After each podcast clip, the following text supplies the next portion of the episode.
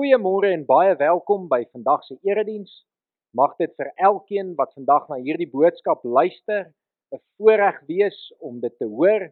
Mag julle weer vreugde in die woord van die Here vind en ook sy teenwoordigheid en nabyheid vanoggend op 'n spesiale manier ervaar. Ek wil graag vanoggend vir ons Psalm 8 voorlees, die opskrif Lof aan die Skepper vir die koorleier met musiek 'n Psalm van Dawid. Here ons Here, hoe wonderbaar is U naam oor die hele aarde. Hoe glansryk alles wat U in die hemelruim geplaas het. Kinders en suigelinge besing die magtige werk wat U tot stand gebring het. So word U teestanders, die vyande en wraakgieriges tot swye gebring. As ek die hemel aanskou, die werk van U vingers, die maan en die sterre, waaraan U 'n plek gegee het. Wat is die mens dan dat U aan hom dink? Die mensekind dat U na hom omsien. U het hom net 'n bietjie minder as 'n hemelse wese gemaak en hom met aansien en eer gekroon. U laat hom heers oor die werk van U hande. U het alles aan hom onderwerf. Skape en beeste, alles, selfs die diere in die veld, die voëls in die lug en die visse in die see wat die oseane deurkruis. Here, ons Here, hoe wonderbaar is U naam oor die hele aarde. Wat 'n voorreg dat ons vandag in hierdie God se naam bymekaar kan wees. 'n Here wie se naam wonderbaar is, se skepping wat ons kan aanskou en kan weet dat hy groot en almagtig is. Kom ons word 'n oomblik stil en dan bid ons ook tot hom. Here, dankie dat ons vanoggend weer in u liefde as medegelowiges bymekaar kan wees. Here, dankie dat ons deur middel van tegnologie ook steeds hierdie boodskap kan versprei en dit moontlik maak dat diegene wat nie hier kan wees nie daarna kan luister.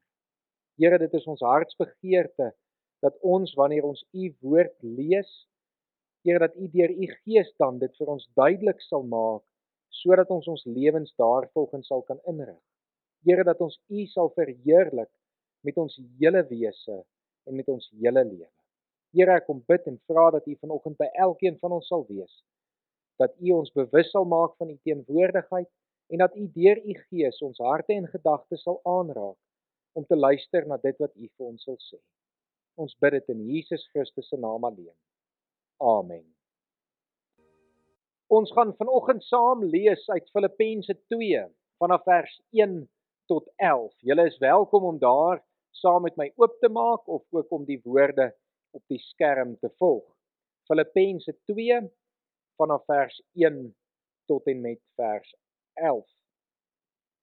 Aangesien julle die troos in Christus ondervind het, die aansporing deur die liefde die gemeenskap deur die Gees, die innige meegevoel en meelewing.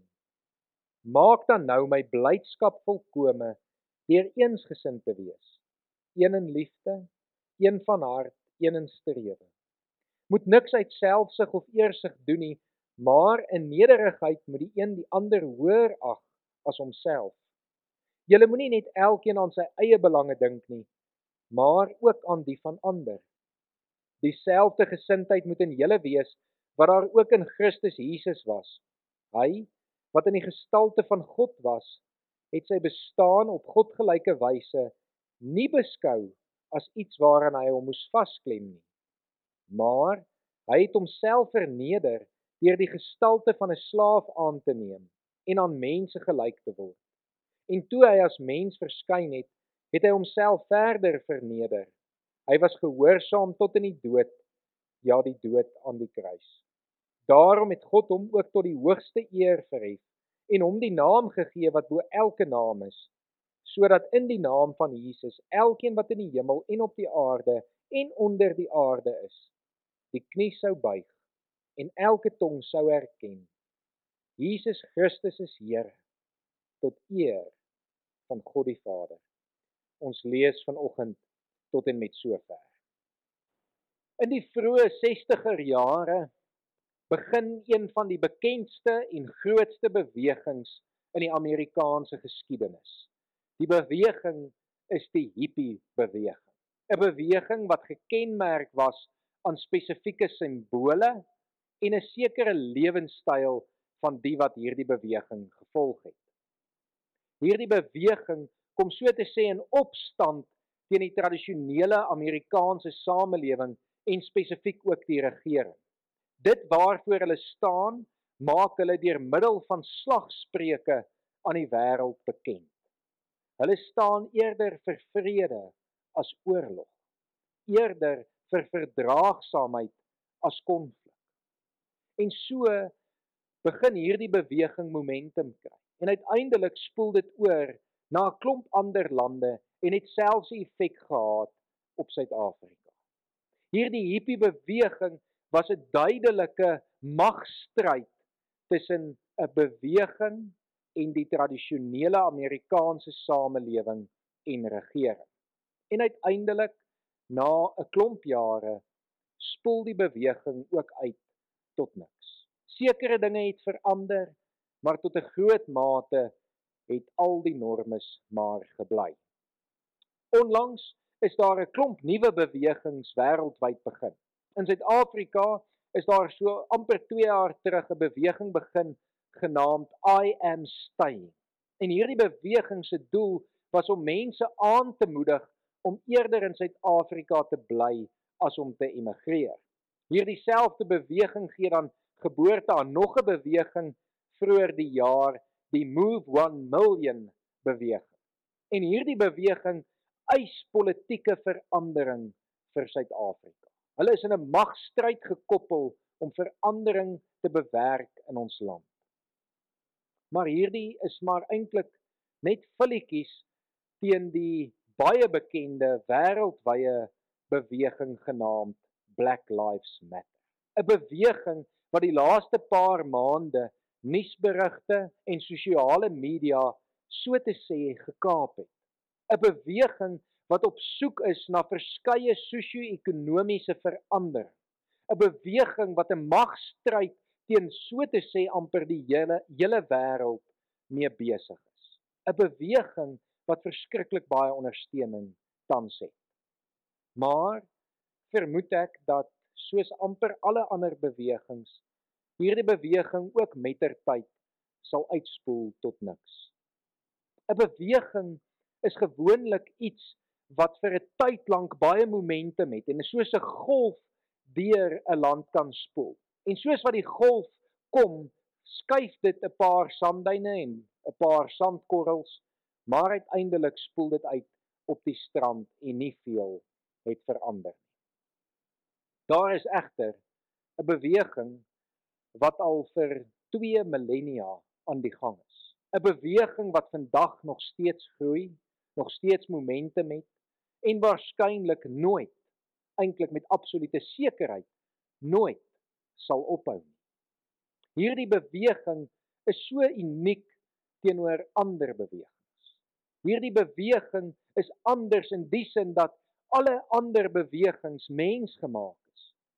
Hierdie menslike bewegings is gewoonlik geboei deur selfsugtige ambisies dit volg een of ander vreemde ideologie en dit probeer deur 'n magstryd verandering op 'n samelewing afdwing. Maar hierdie beweging wat amper 2000 jaar terug begin het, is uniek. Dit begin by 'n Joodse rabbi wat sy interpretasie van die wet, sy manier van leef vir 'n paar volgelinge leer. En mettertyd groei hierdie volgelinge en dit kry momentum en dit versprei oor die hele aarde. En tot en met vandag gaan hierdie beweging nog voort. Hierdie beweging was oorspronklik bekend as die weg. Die weg so genoem omdat hierdie rabbi gesê het hy is die weg, die waarheid en die lewe. Sy interpretasie van die wet is die weg tot lewe. Sy manier van doen en van leef is uiteindelik 'n ware volkomme lewe. En so gebeur dit dat die Romeinse ryk ook praat van die weg. Maar hulle sien dit aanvanklik as 'n wegbreekgroep uit die Joodse geloof. Hulle sien dit as 'n sektegroep, 'n beweging wat hulle vermoed mettertyd maar sal uitspoel tot niks. Hulle beklei teen hierdie beweging want soos alle ander bewegings is 'n beweging in stryd, in magstryd met 'n regering en 'n samelewing gekoppel.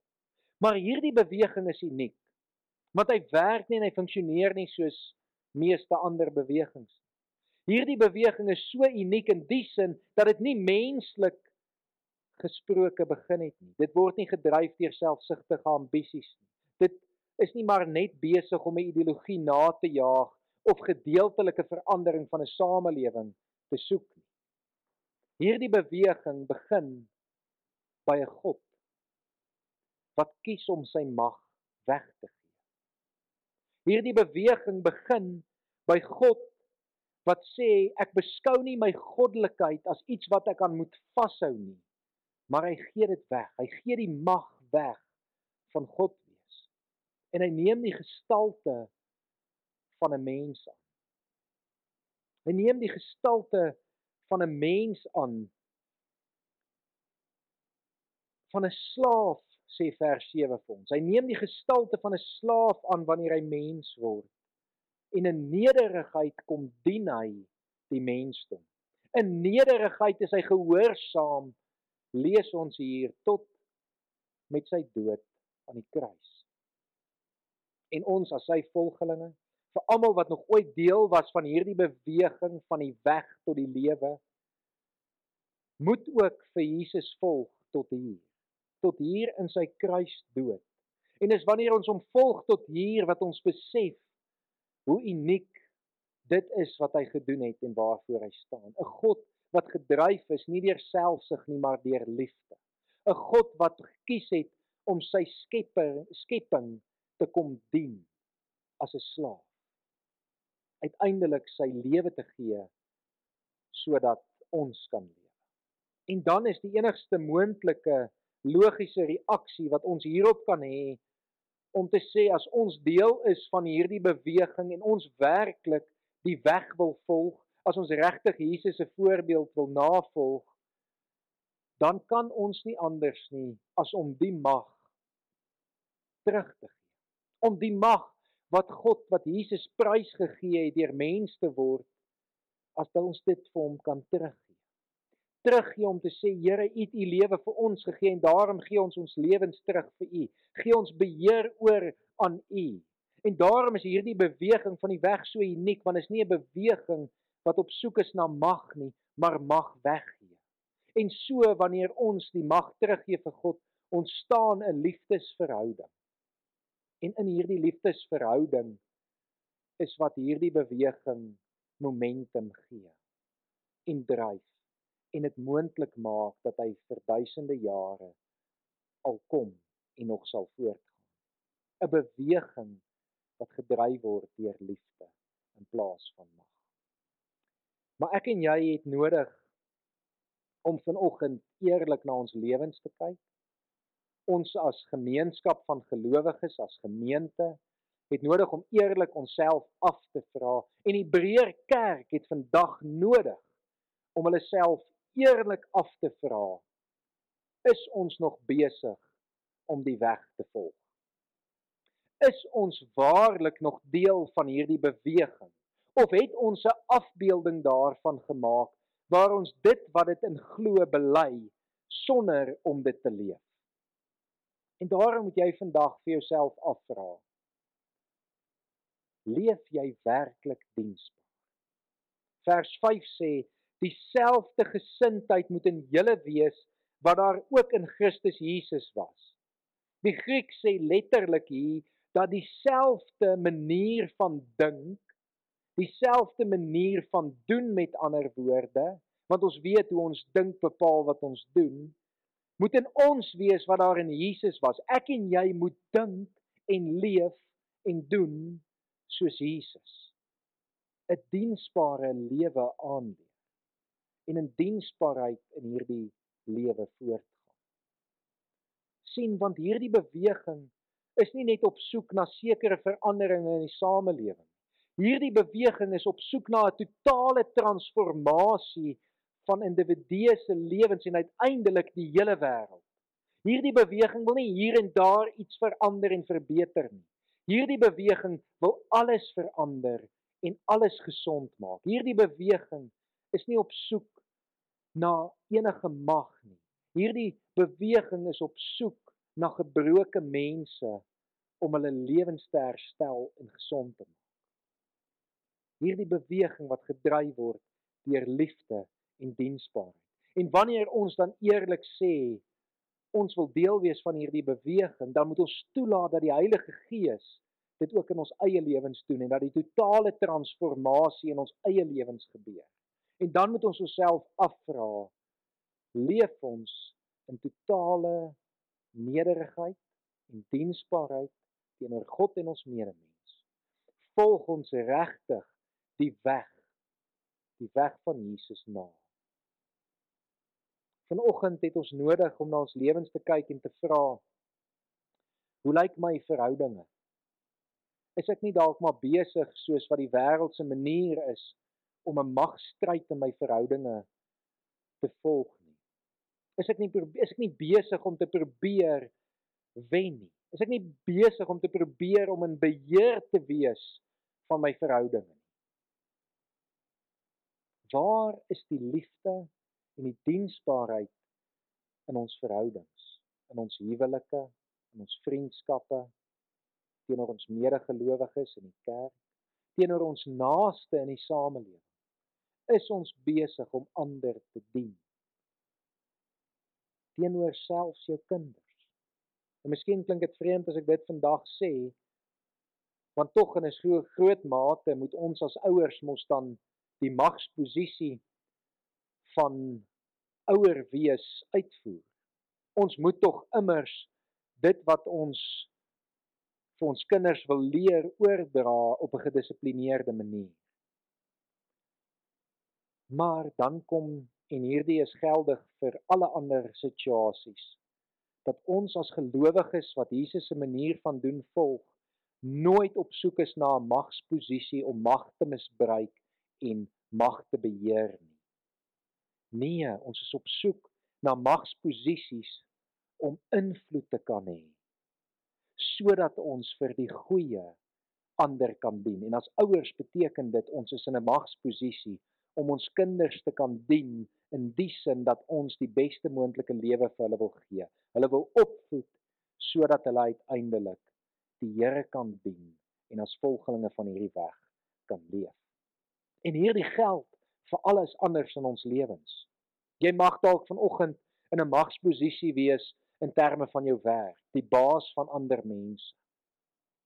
En dan is dit nodig om te sê ek gaan Jesus se manier van doen volg en eerder diensbaar teenoor die wat onder my werk leef as wat ek my magsposisie gaan gebruik om hulle te beheer.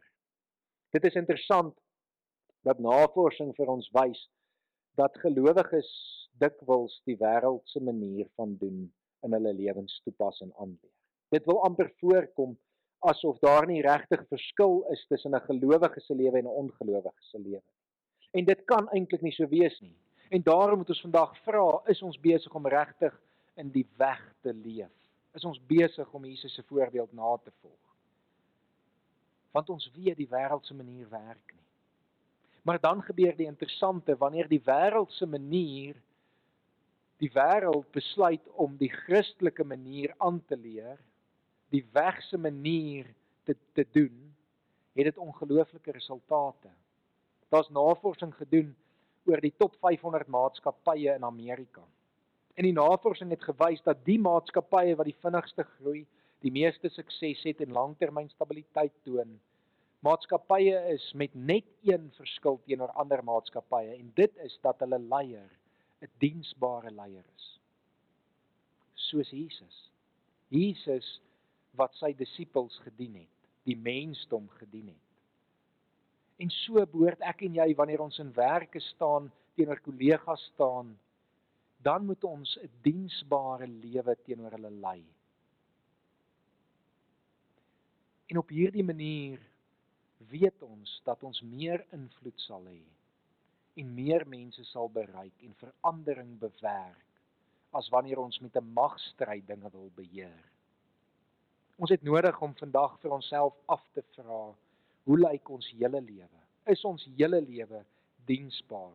Is ons besig om in liefde sonder selfsug eerder ander se belange hoër te ag as onsself. Dit is immers wat vers 3 en 4 vir ons sê.